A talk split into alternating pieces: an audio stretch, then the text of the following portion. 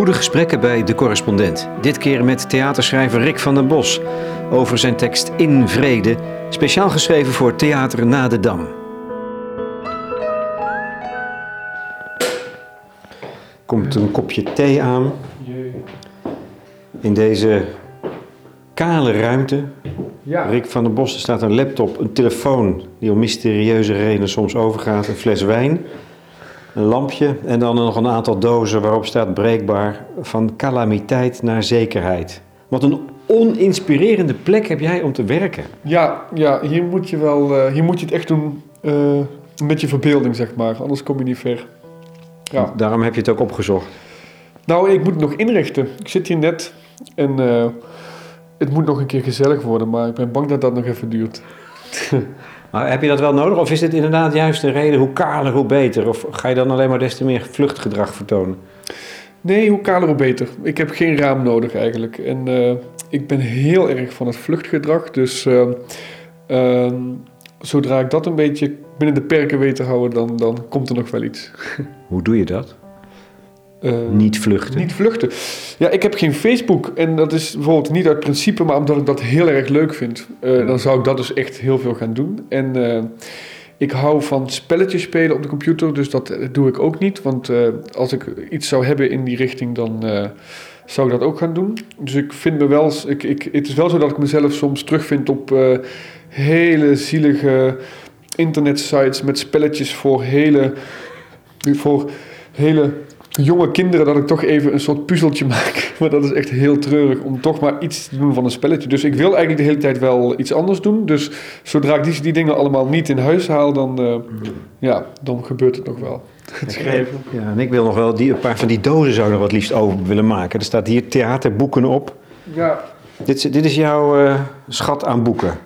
ja, dit is het. Dit is alles. Ehm, Dat is niet eens zoveel trouwens. 1, 2, 3, 4, 9, een stuk of 10 doosjes. Ja, nee, dat is weinig. Dit is ook het enige wat ertoe doet. En de rest is allemaal eh, het huis uitgegaan. Ik ben verhuisd. En eh, eh, toen heb ik ongeveer twee derde van mijn boeken allemaal weggegeven. Of allemaal, allemaal weggedaan. Omdat dat toch veel boeken waren die een beetje voor de show waren. Zo van, kijk, dit heb ik half gelezen. Of eh, eh, kijk, dit moet ik nog, nog ooit, ooit lezen. Dus ben ik echt heel streng door die boekenkast gegaan van... Oké, wat ga ik echt nog een keer eh, herlezen? Of kan ik nog in grasduinen voor werk dat ik het nodig heb? Eh, wat ga ik toch niet lezen? En heb ik aan mezelf wijsgemaakt dat ik dat nog ooit eh, moet gaan lezen. Maar wat nu niet het moment is en de komende vijf jaar ook niet. Dat heb ik ook allemaal weggedaan. En ehm, zo... Dan, hou je dit over. Dan- dan- dan- dan- dit is genoeg. je hebt jezelf ja. opnieuw gedefinieerd. Ja, nou, het begint een essentie te worden. Hè? Ja, nee, eh, ja, dit is eh, waarvan ik denk dat het eh, nodig is. En er zal nog heel veel dingen bij zitten die ik nooit meer aanraak. Dus het is al veel, vind ik. Maar goed, hier zitten dus ook een paar boeken bij die wel essentieel zijn, denk ik. De Bijbels, of die voor jou, die je gevormd hebben. Wat, wat zit erin bijvoorbeeld aan schatten? Ja, er is eh, één boekje van een Spaanse schrijver. Die geloof ik is helemaal niet zo bekend. En die was een beetje in de jaren tachtig, een beetje zo'n punkachtige rock-and-roll schrijver. En dat is zo'n boekje wat eigenlijk volgens mij helemaal niet heel goed is. Maar wat mij ontzettend heeft, eh, heeft aangezet in stijl en vorm waar ik heel veel aan, aan, aan, aan had. Dus gek genoeg zijn de boeken die ik het dichtst bij me hou vaak helemaal niet eh, per se grote eh, titels of eh, hele goede boeken. Maar vaak iets wat iets aanzet waarmee ik dan door kan. En hoe heet dit boekje, dit Spaanse boekje? Ja, ik weet het dus niet eens. Ehm, eh, De schrijver ook niet. nee, niet uit mijn hoofd. Nee, ik, ik weet, ik weet dat niet zo goed. Moeten, moeten we dus gaan graven in die Ja, dozen? we Om het moeten, te... ze, we moeten ze openmaken. Even denken. En waarom? Ja, ja, ja. ehm, Re Re Loriga, geloof ik. Nee, Oh, ja. Re... Nou, we gaan zo misschien Nou, even... moet, moet even googlen, want ik heb dat, internet. Dat kan nog wel. Maar, maar en waarom heeft het jou, dat jou zo op een spoor gezet?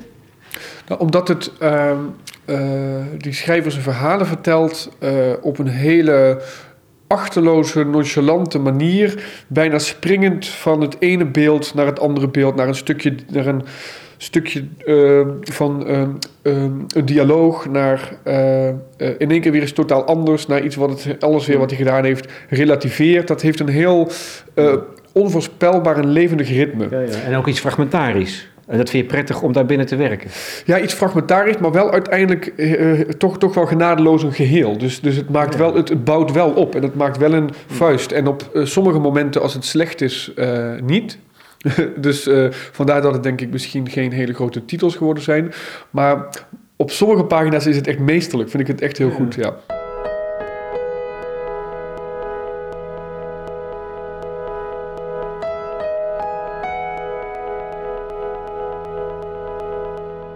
Ik zit op een bank en luister naar het tikken van de klok. Ik heb mijn ogen dicht. Al sinds ik mij kan herinneren heb ik een obsessie voor het verstrijken van de tijd. Sommige mensen worden nerveus als ze in een ruimte zitten met alleen het geluid van een tikkende klok. Ze worden er steeds op gewezen dat de tijd genadeloos doortikt, terwijl zij er zelf doelloos bij zitten te luisteren. En daar kunnen ze niet tegen.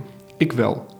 Ik ken geen mooier geluid dan het geluid van een staccato doortikkende klok die de ijle tijd een gezicht geeft. Een dom spel waarin de dagen netjes onderverdeeld worden in uren, de uren in minuten, de minuten in seconden, alles op zijn plaats. Hoe ouder je wordt, hoe meer je je realiseert dat alles stopt. Dat bij het sterven van elk persoon cruciale informatie verloren gaat. Maar de vraag is, hoe ver mag je gaan? Hoe ver mag je gaan om elke druppel informatie uit iemand te persen? Wat is heiliger, de waarheid of de mens die daaromheen zit, als een schil? Wat mag je doen als de laatste seconden wegtikken? Mag je iemand breken, maar wat vind jij? Mag je iemand breken? Dat is de openingsklaus van een van de personages, Joshua. Die eigenlijk Klaas heet. Nee, die Klaas heet, maar eigenlijk Joshua. Dat vind ik al, om te beginnen al een prachtige tekst. Maar ook omdat daar meteen een fundamentele vraag gesteld wordt. Hè? Wat, wat is waarheid en wat mag je doen om de waarheid te vinden? Dat is, dat is denk ik de motor van dit stuk geweest in vrede. Eh, ja. Ja, dat is, dat is in zekere zin de motor van het stuk geweest. Ehm, maar eh, vooral ook omdat het personage Joshua geïnspireerd is op de persoon ehm, Joshua Ossendrijver. Eh, en eh, die man die, die bestaat eh, echt. En die heeft zelf ook een boek geschreven over zijn, over zijn verleden, over zijn zoektocht naar zijn identiteit. Heb je, heb, je hem, heb je hem gekend of heb je het boek, alleen het boek gekend? Ik heb veel met hem gesproken en hij heeft met het ontwikkelen van het stuk heeft hij ook meegelezen. Dus eh, we zijn echt wel een soort vrienden geworden bij het maken van dit stuk in een aantal maanden tijd. En wat is dan zijn verhaal? Eh, nou, zijn verhaal is dat hij eigenlijk eh, zijn hele leven lang vermoedde dat er iets was wat met hem te maken had, wat anders was dan dat hij wist. Ehm, maar hij heeft nooit ehm, eh, doorgevraagd bij zijn moeder, of eh, wat zijn onderduikmoeder was. Of met zijn vader had hij sowieso een lastiger band. En aan de ene kant heeft hij wel soms geprobeerd die zoektocht aan te gaan en hij vermoedde iets. En dat vermoeden zorgde ook voor dat, dat hij in zijn leven best wel lastige momenten heeft gehad. En eh, eh, eh, toch wel vrij depressief van aard was. En eigenlijk is hij die zoektocht naar waar dat vermoeden precies toe leidde, pas na de dood van zijn beide ouders, of ja, onderduikouders, eh, eh, ik weet niet hoe je het dan kan noemen, eh, is hij pas na zijn dood die zoektocht aangegaan. En wat ontdekte die toen?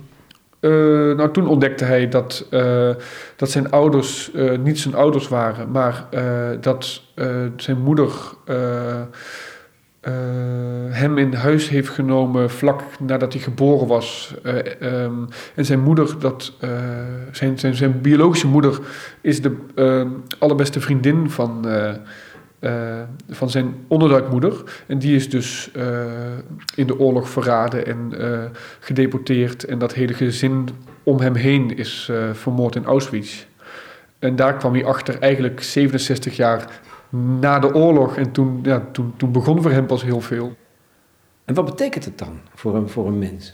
Ben je daar dan inderdaad mee gebaat? Of is het ontwrichtend? Ja, misschien zal dat voor iedereen anders zijn, maar in het geval van eh, Joshua, ik kende hem nog niet eh, voordat hij dit wist. Dat hij, dus ik kende hem nog eh, niet als Klaas, maar zoals hij erover vertelt en zoals ik hem ken, is er bij hem juist een soort rust eigenlijk eh, over hem heen gekomen. En eh, weet hij iets zeker en heeft hij daar heel veel houvast aan. En eh, kent hij eindelijk eh, zijn verhaal. En ehm, ja, probeert hij volgens mij stapje voor stapje nog zo goed mogelijk, zoveel mogelijk over zijn uh, echte ouders te weten te komen en zijn broertje te, te, te, te, weten te komen. En de grote tragiek is natuurlijk dat daar zoveel tijd tussen zit en dat hij die nooit echt heeft leren kennen. Dus tegelijkertijd lijkt me dat een heel groot leed, maar aan de andere kant laaft hij zich er bijna ook aan, lijkt wel. Ja. Die vraag die je stelt aan het begin, mag je iemand breken? Iemand anders, je moeder of andere betrokkenen, om je eigen waarheid te vinden. Hoe beantwoord, hoe beantwoord jij die vraag nu? Ja, dat is, ja dat, is, dat is heel lastig. Dat is, dat is juist natuurlijk niet een vraag waar één bepaald antwoord op is. En die heel erg gebonden is aan ehm, een situatie en aan uh, wat je het belangrijkst vindt. De, uh, maar wat is het voor jou? Voor mij, ja, nou, wat ik mooi vind. Uh, ik heb zelf uh, zo'n situatie nooit zo meegemaakt. Maar, maar wat ik mooi vind in het verhaal van, van, van Joshua is dat hij uiteindelijk uh, had hij met zijn moeder wel een bepaalde band die natuurlijk een emotionele band was. En om van haar te vragen de waarheid te vertellen, moest hij ook meteen aan haar vragen om de titel uh, moeder eigenlijk los te laten. En hij heeft dat nooit gevraagd. En je kunt aan de ene kant zeggen dat dat een bepaalde uh, lafheid is, maar aan de andere kant kun je ook zeggen dat dat een soort liefde is. Hoewel hij het misschien wel wist. En aan de andere kant heeft hij ook nog eens een keer meegemaakt met een vrouw die echt hoogbejaard was, die zijn moeder nog. Uh, uh, had gekend. Dus die naast de familie was, geloof ik, die, die zijn moeder echt nog kende. En hij wilde heel graag van die vrouw net wat meer weten uh, over zijn moeder. Uh, hoe ze was, hoe ze sprak, alles. En, maar die vrouw begon elke keer als uh, zij begon te spreken of daar in gedachten ja, weer naar die mensen terugging, begon ze eigenlijk te trillen en, en raakte ze helemaal over haar toeren. En aan de ene kant kan ik zo goed begrijpen dat het voor, voor, voor, voor Joshua zo belangrijk moet zijn om nog iets te horen, wat er nog maar op is uit mensen die nu nog leven, om iets te horen. En aan de andere kant heeft hij toen ook besloten om niet die vrouw uh, ja, helemaal uh, in paniek te brengen of uh, in een staat te brengen waar we niet meer weten wat er met de mens gebeurt. En dat vind ik ook wel weer mooi. Dus ja, dat rare zwijgen rondom die oorlog heeft toch ook vaak wel hele emotioneel uh, begrijpelijke redenen. Die, waar ik ook wel veel, veel bij, bij voel. Um, een, andere belangrijke aspect is, maar dat is misschien eigenlijk ook altijd wel in het theater, is dat wat geheimen zijn. Hè? En je verbindt het, en dat vind ik interessant, aan op een bepaald moment aan de privacy, besef, discussie. Denk jij dat mensen eigenlijk ook het nodig hebben om geheimen te hebben? Is, is een geheim hebben ongelooflijk belangrijk voor je gevoel van identiteit? Oeh. Um, ja, ik denk dat mensen best wel um, um, een uh, zeker talent voor uh, schuld en voor schaamte hebben eigenlijk meer. Voor, uh, ja, ik denk dat mensen um, een talent voor, voor, voor, voor, voor schaamte hebben. En om die schaamte maar niet te hoeven voelen, eigenlijk, denk ik dat we heel slim zijn in het niet vertellen van iets of het verdraaien van uh, een bepaald ver, ver, verhaal. En dat we zo inderdaad uh, een bepaalde filter maken tussen wat we echt voelen of denken of hebben gedaan en hoe het in de de werkelijkheid is. En dat we daardoor inderdaad wel snel geheimen inbouwen. Hoewel het het fijnste voelt voor mij als je leeft uh, zonder schaamte en gewoon dus uh, um, alles uh, wat, je, wat er om je, om je heen gebeurt gewoon oprecht deelt met mensen. Dus dat is de fijnste manier van je voelen. Dus altijd een soort botsing tussen de wereld buiten en de ehm, wereld binnenin je of zo. En waarom hebben wij zoveel talent voor schaamte? Dat moet toch ook een functie hebben? Ja. Want dat moet je jezelf toch ook wel eens afvragen. Nou, het levert het meeste op, denk ik, in de wereld om uh, helemaal mooi te zijn uh, en perfect en uh, niet pervers en ja. goed, zeg maar. Dus dat levert het meeste op. Dus ik denk dat je, als je het hebt over een um, identiteit, dat je, dat, je, dat je hard werkt om ehm, over te komen als, als, als, als iemand die alles goed doet en die altijd het moreel juiste denkt en eh, die altijd ehm, rationeel is.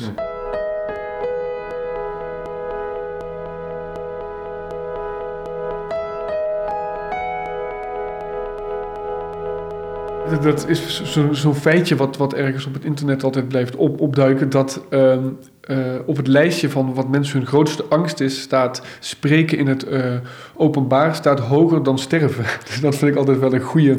Dat we inderdaad uh, toch wel ontzettende angst hebben om ons en plein, en publiek te vertonen of uit te spreken.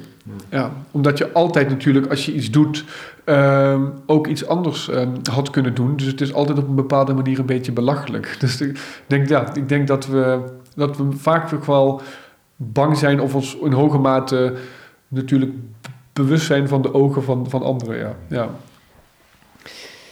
Dit vraagt eigenlijk om een ander citaat van een ander personage, Jonas. Die werkt als uh, websitebouwer. Nou, sterker, houdt zich bezig met wat zich op als het ware in de coulissen, hè, uh, achter, achter het, het, voor, het vooraanzicht van een website uh, gebeurt. dit is Jonas. Dit is Jonas. Um, ik werk vanuit huis. Eigenlijk heb ik een kantoorbaan. Ik verkoop websites voor het hotelwezen en zorg ervoor dat mensen die een hotel zoeken op de site van mijn klanten komen en dat ze daar dan snel een kamer kunnen boeken. Eigenlijk gaat het niet zozeer om de site zelf, meer om het mechanisme erachter. We analyseren hoe vaak een klant de site bezoekt, hoe lang hij van tevoren boekt, leeftijd, etc. En daar passen we namens het hotel de prijsformule op aan, zodat er meer winst kan, kan, kan worden behaald. Mensen dwalen niet vermoedend rond op het internet. Denken dat ze anoniem wat voor zichzelf doen, maar aan de achterkant is alles zichtbaar. Heeft elke klik waarde en betekenis en kun je zien hoe onderdacht en willekeurig, doch voorspelbaar mensen handelen. De mogelijkheden die het biedt als je dat in kaart kunt brengen. Sorry, ik word daar een beetje enthousiast van. Ja, dat is het, ja. Ja, dat is, dat is ook een. Uh, dat is dus, ik vind het grappig om de thematiek van de herinnering van de oorlog hieraan verbonden te weten. Want dat doe je heel bewust volgens mij via dat personage. Nou, ik denk, wat ik graag in het stuk wilde doen, is ik, ik denk dat we veel meer uh, uit handen hebben gegeven dan dat we denken. En ik weet niet of dat per se erg is, maar, maar ik bedoel, uh, wat ik graag in de tekst wilde schrijven is een bepaalde, een bepaalde dreiging, of ik wil in ieder geval een gedachte uh, wakker maken van stel dat je ineens behoort tot een groep mensen die in één keer uh, um, de rechten om te bestaan wordt um, ontzegd. In hoeveel, in hoeveel zetten zouden je dan eigenlijk helemaal in kaart hebben. En, en, en dat is een bepaalde, een bepaalde, bepaalde dreiging eigenlijk, uh, ja. waarvan ik denk dat dat, in, in, dat dat vandaag de dag vrij snel zou, zou zijn. Omdat we helemaal niet meer weten wat we van onszelf hebben weggegeven wat we precies eten. We, we, we, we weten steeds minder over, uh, over uh, over de gevolgen van onze daden. En dat wordt zo onoverzichtelijk dat dat wel prettig was om mee te nemen in het stuk. Ja. Voor mij de, de, de reden om een stuk te schrijven over de, over de, over de oorlog nu is, uh, is vooral omdat, omdat wij geneigd zijn om te spreken over die oorlog alsof dat 800 jaar geleden is. Hoewel die periode, is nog maar echt, nog maar, het is, het is echt heel vlakbij. En, en als je de, uh, gebeurtenissen en de uh,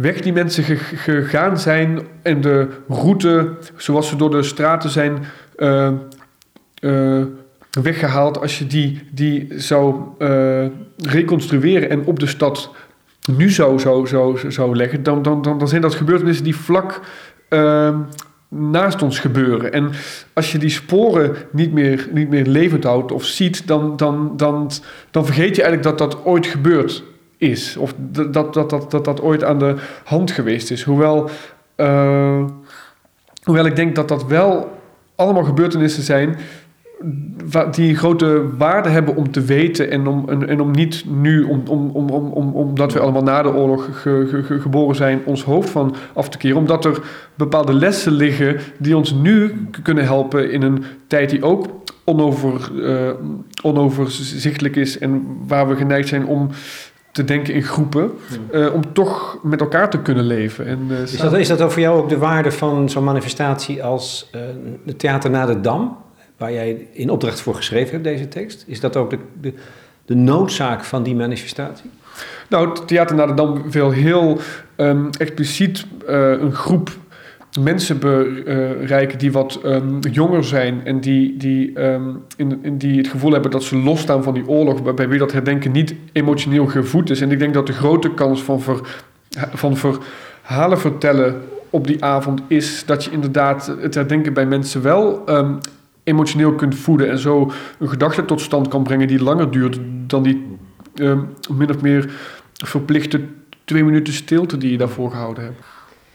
In het geval van Jonas, dat is iemand die woont ook op de Pijnakkerstraat. En die ontdekt informatie, die krijgt informatie via internet trouwens, over het huis wat hij bewoont. En dan, dan dringt het verleden zich met geweld aan hem op. Ja, precies. Ja, dat vond ik van dat personage eigenlijk uh, uh, de belangrijkste functie. Want Jonas staat eigenlijk een beetje naast het stuk. Die staat los van het stuk. Dat is een zijlijn. Um, en uh, eigenlijk is hij in essentie was zij, tot, tot, voor kort uh, leek ik het meest op hem van, van, van alle personages uit het stuk. Um, en zal hij het meeste lijken op mensen die uh, ook zijn opgevoed alsof de wereld in de jaren zeventig is ontstaan, zeg maar. En, en dat er daarvan niets gebeurd is die, die um, um, is eigenlijk nooit met die oorlog bezig geweest. Heeft daar buiten de geschiedenislessen op school, die hij gewoon uh, ja, tot, zich heeft genomen, is dat nooit echt een, een, een groot thema geweest in zijn leven. En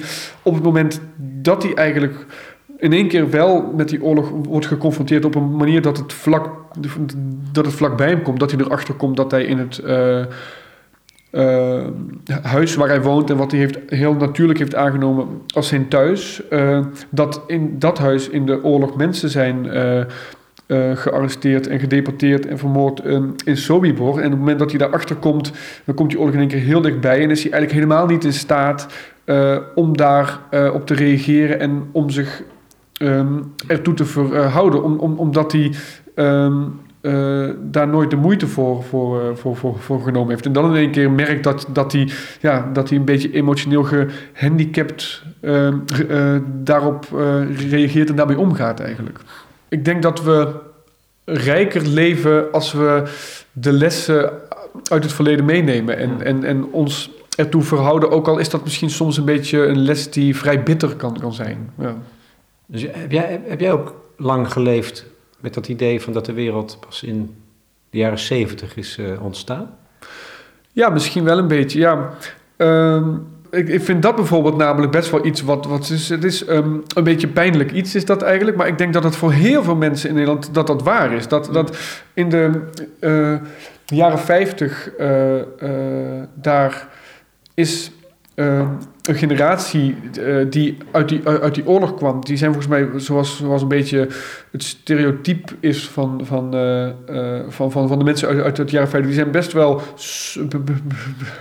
best wel sober begonnen met, met, met, met gewoon doorwerken. En de mensen die zijn opgevoed in de, in de meeste gezinnen in de, de, de, jaren 50, die hebben zich daar in de, de, de jaren 60, 70 best wel radicaal van losgemaakt. En die wilden, die, die, die wilden zoals de avonden van, van, van, van, uh, van, van Reven, die wilden daaruit en die, die wilden uh, uh, ermee breken, omdat misschien aan wijsbaar eh, ging het nooit meer over de oorlog, maar die hele nasleep lag nog als een deken over, over, over die hele uh, hele generatie in. Lijkt me ook logisch. Maar daar hebben mensen best wel mee gebroken van. En die, die zijn eigenlijk. die hebben zichzelf in de, jaren 60, 70. hebben ze zich vrij ver, ver, verklaard. En die hebben vervolgens weer allemaal leuke kinderen gekregen. En nou, ik denk dat wij dat dan, dat, dat dan waren. En die zijn eigenlijk best wel met die vrijheid opgevoed.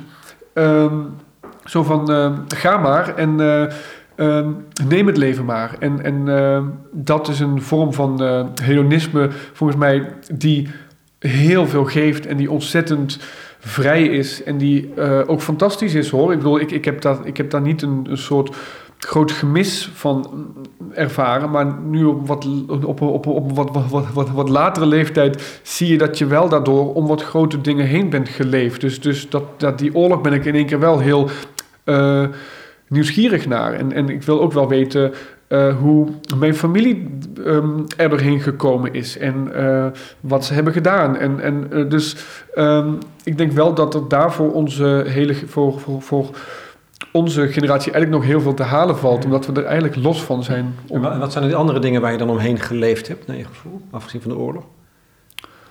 Dat genieten niet alleen het, het enige is wat een leven zin kan geven. Ja, ik denk wel dat dat, uh, ja, ik denk wel dat dat, dat, dat, maar dat gaat dan wel heel erg over mij persoonlijk, maar uh, ja. ja. dat, dat, dat dat in mijn leven wel een aanwijsbaar omslagpunt is van alleen maar genieten en leuk naar Um, naar um, een bepaalde verdieping. Ja. Wanneer is dat bij jou ge, ge, ge, gebeurd dan? Is daar, heeft daar een, is daar een aanleiding voor?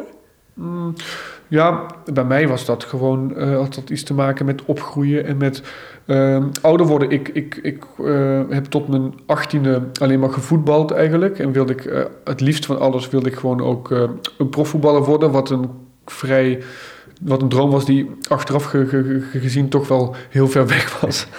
maar dat, dat was wat ik wilde. Ik was alleen maar aan het sporten en ik zag het leven uh, als een soort spel. Ik zie het leven misschien nog wel een beetje als een spel zo af en toe. Uh, maar op een bepaald moment uh, was het een beetje te dun om het leven altijd te leven als een spelletje en, en, en, en, en altijd overal uh, de dingen waar je bij stil moet staan om die, om die altijd een beetje te vermijden. Dus vanaf, vanaf uh, mijn achttiende ben ik zo eens, uh, zo eens beginnen met lezen, iets anders dan Suske en Wiske en dat soort dingen. Dus toen ben ik e-, eigenlijk begonnen met, met, met het zoeken naar verhalen en het stilstaan bij dingen en het me verdiepen en later ook met schrijven een beetje. Dus daar komt dat een beetje vandaan. Dus best wel een harde omslag geweest. Bij mij ging dat echt van helemaal uh, hedonist zijn dus.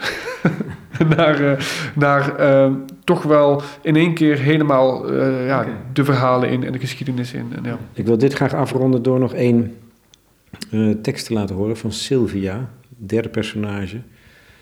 Dat is de dochter van een verraadster. Of van, ja, dat vond ik ook wel uit, uitzonderlijk dat je die een keer een stem geeft. We hebben wel veel kinderen van NSB'ers. steeds meer naar buiten horen komen met heel veel pijn en moeite. Maar, maar dit is nog weer een, een, speciale groep, had ik de indruk, van mensen die, van wie de ouders ver, verraden hebben. Ja, dat, die, wat hebben die voor leven, voor leven gehad? Ja, ja, precies. Ja, nou ja, een. Uh dat is. Ja, dat is fascinerend. Ja, ik, ik, ik vind het. Dus, ik, ik, ik, ik heb sowieso het idee dat, dat heel veel. Uh, uh, ja, heel veel verhalen uh, uit de oorlog eigenlijk nooit echt verteld zijn. Dus, uh, ja, ondanks het feit dat we ook aan de andere kant juist zijn overladen met verhalen en beelden en films en boeken. Ja, want het is toch grappig, als je gaat zoeken, dan spelen die verhalen zich vaak ook af um, in de oorlog. En vrij weinig daarna. Tenminste, ja. er zijn er ook veel. Maar uh, over het algemeen spelen veel verhalen zich uh, in de oorlog af. Aan de, uh, en het zijn vaak verhalen over helden of mensen die in het verzet zaten. En veel verhalen over slachtoffers of mensen die overleefd hebben. of waarvan nog geschriften zijn ge gevonden.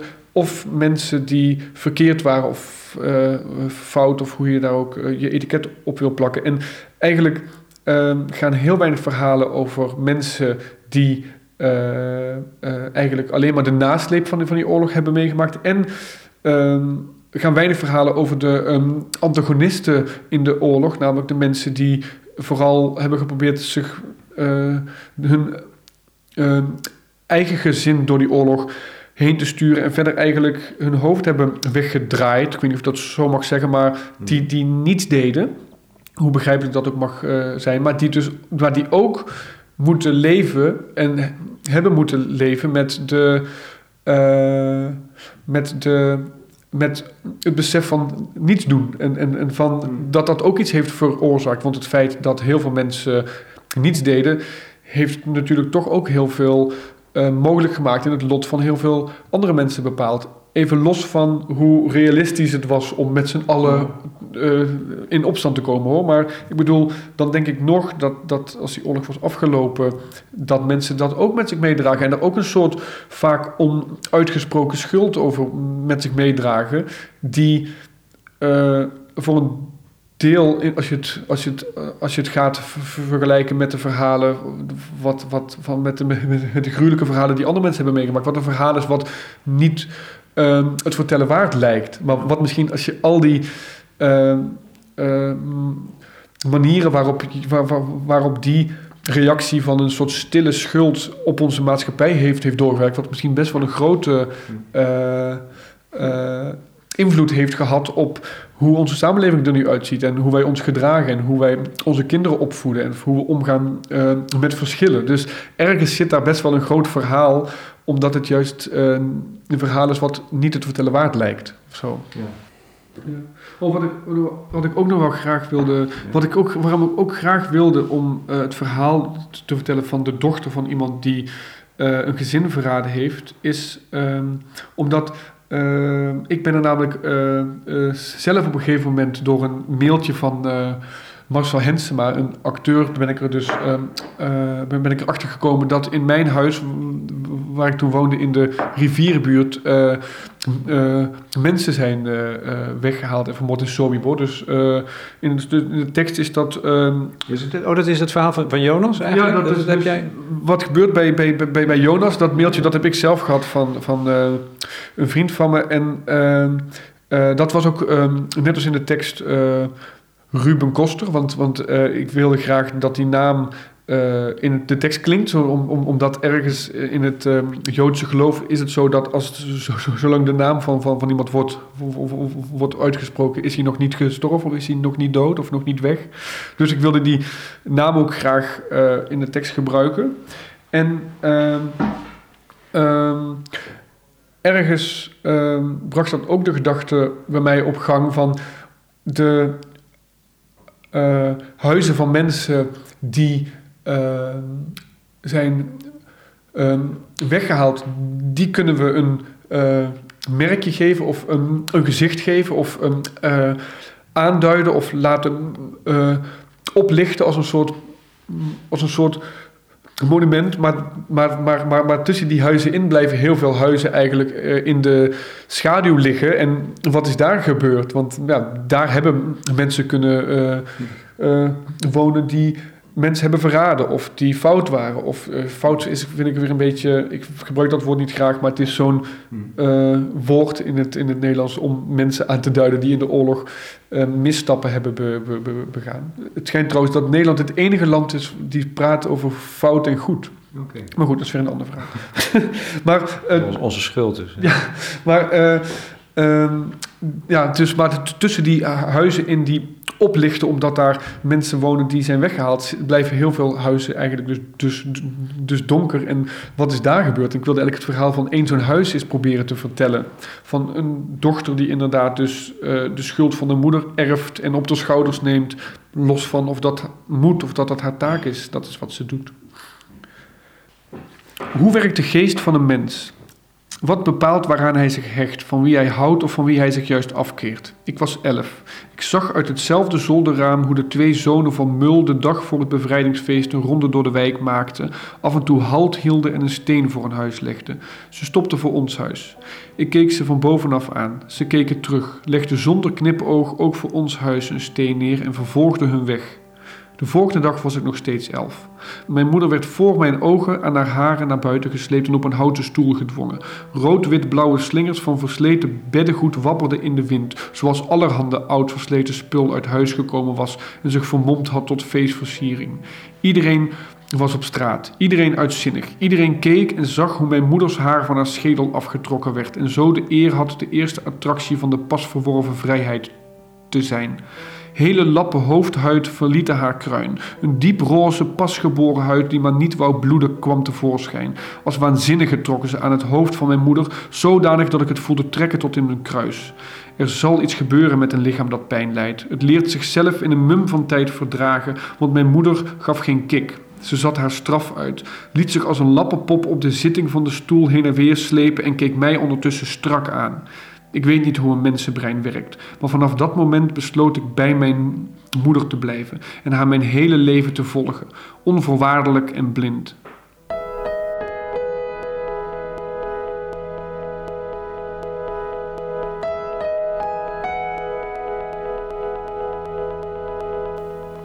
Waar ga jij uh, maandagavond naartoe? Ga je dan luisteren? Ga je dan... Ja, nou, uh, ik ga met Joshua Ossendrijver en uh, met mijn vrouw en met zijn uh, zus ehm, gaan wij eerst ergens gaan we eten samen, dan gaan we naar de Dam en dan gaan we naar de Schouwburg, naar toneel op Amsterdam. Die leest het stuk hier in Amsterdam met een hele mooie cast en daar gaan we samen met Joshua luisteren. Nog één ding. Uh, wat gebeurde er toen jij dat mailtje kreeg in de rivierenbuurt? Wat deed dat toen met jou? Want het is al een enige tijd geleden, denk ik. Het is niet, ja, je hebt er niet meteen een stuk over geschreven. Het vindt nu zijn plek in, in een stuk. Mhm. Maar wat deed dat toen met jou?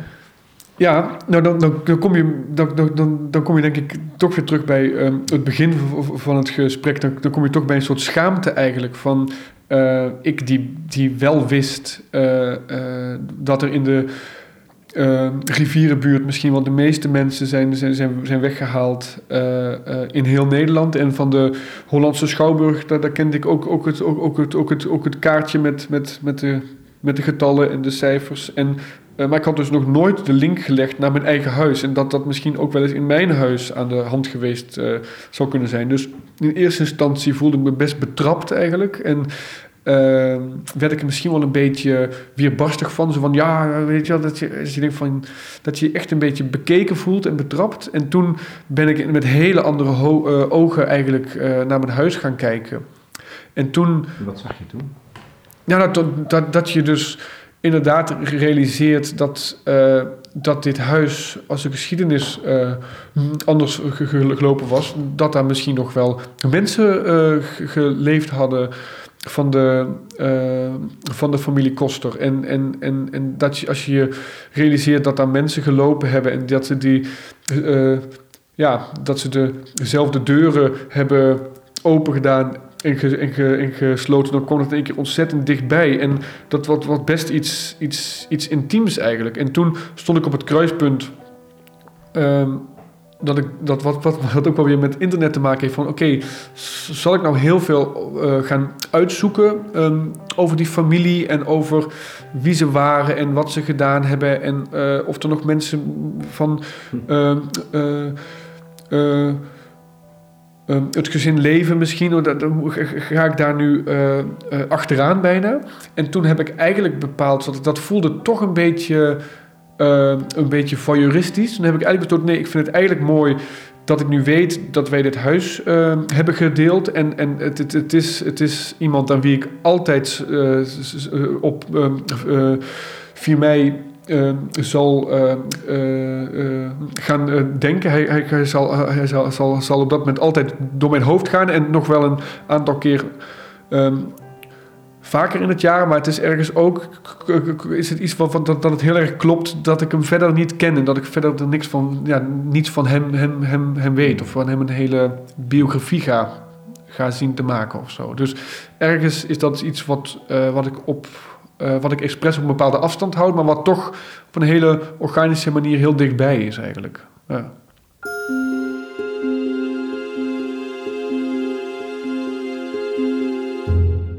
Rick van der Bos, voor de correspondent in gesprek met Lex Bolmeijer over zijn speciaal voor Theater na de Dam geschreven stuk In Vrede.